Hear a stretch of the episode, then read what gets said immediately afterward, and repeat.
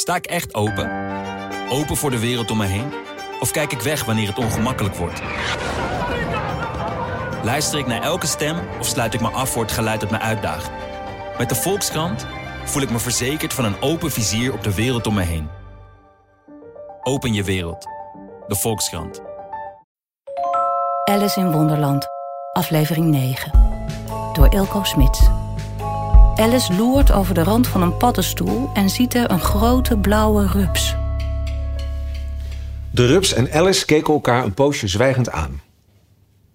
Ten slotte nam de rups de waterpijp uit zijn mond en richtte zich tot haar met een lusteloze, slaperige stem. Wie ben jij? zei de rups.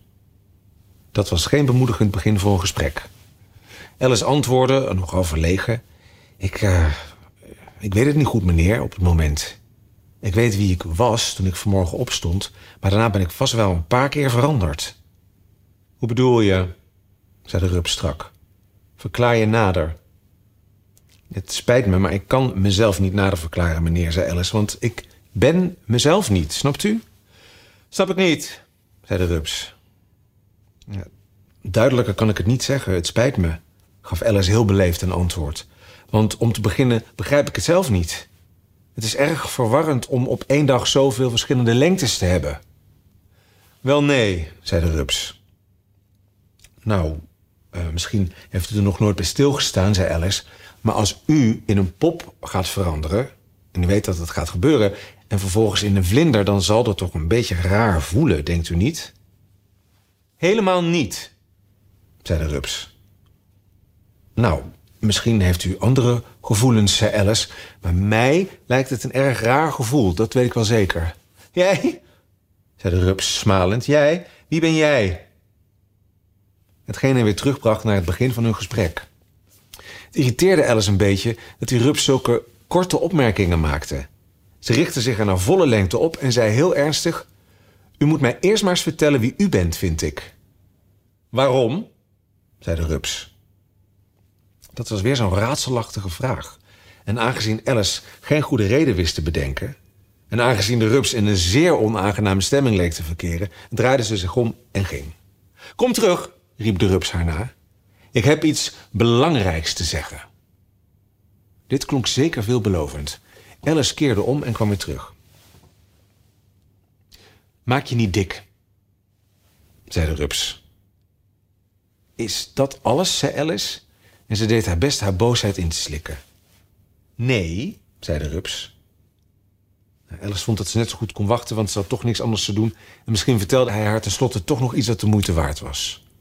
Gedurende enkele minuten blies hij rook weg zonder te spreken, maar uiteindelijk deed hij zijn armen van elkaar, nam de waterpijp uit zijn mond en zei: Dus jij denkt dat jij echt veranderd bent? Ik ben bang van wel, meneer, zei Alice. Allerlei dingen kan ik me niet meer goed herinneren en om de tien minuten verander ik van lengte. Welke dingen niet goed meer herinneren? zei de rups.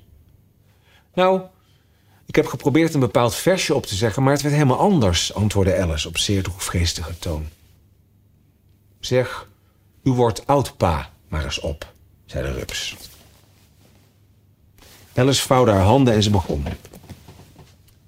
U wordt oud, pa, merkte de jongeling op, en uw haar is nu overal grijs. Toch staat u aan één stuk door op uw kop. Is dat op uw leeftijd wel wijs? In mijn jeugd, zei zijn pa, durfde ik het niet aan ik vrees de schade aan mijn verstand. Maar met dat verstand heb ik toch niets gedaan en het is nu mijn lievelingsstand. U wordt oud, zei de zoon, dat weet u niet waar, en u bent onbeschrijfelijk dik. Maar u maakt nog een salto van heb ik jou daar? Waar zit hem de kneep toch, vraag ik. In mijn jeugd, zei de wijze, content met zijn lot, hield ik me in prima conditie. Met behulp van een zalf, 57 per pot en ook sprong ik graag op het fietsie. U wordt oud, zei de zoon, en uw kaak is te zwak voor alles behalve wat vet. Maar een gans werkt u weg met het grootste gemak. Daar kan ik niet bij met mijn pet. In mijn jeugd, zei zijn vader, besprak ik met smaak elk juridisch geval met mijn vrouw. De gigantische kracht die dit gaf aan mijn kaak benut ik nog steeds als ik kou. U wordt oud, zei de zoon, en niemand denkt heus dat u nog veel ziet zonder bril. Toch houdt u een aal in balans op uw neus. Hoe voegt zich dat beest naar uw wil? Ik heb drie vragen beantwoord. Het wordt me te laat, zei zijn vader. Wat denk je, schavuit? Soms had ik mijn kostbare tijd graag voor praat. Schiet op of ik trap je eruit.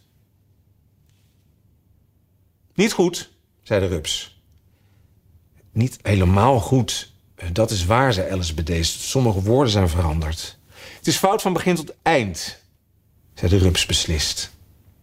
En ze zwegen enkele minuten. De rups sprak als eerste weer. Hoe lang wil je zijn? vroeg hij. Oh, kan me niet zoveel schelen, antwoordde Alice haastig. Het is alleen vervelend zo vaak te veranderen, weet u. Weet ik niet, zei de rups. Alice zei niets. Nog nooit in haar leven was ze zo vaak tegengesproken en ze merkte dat ze de goede humeur verloor. Ben jij nu tevreden? zei de rups.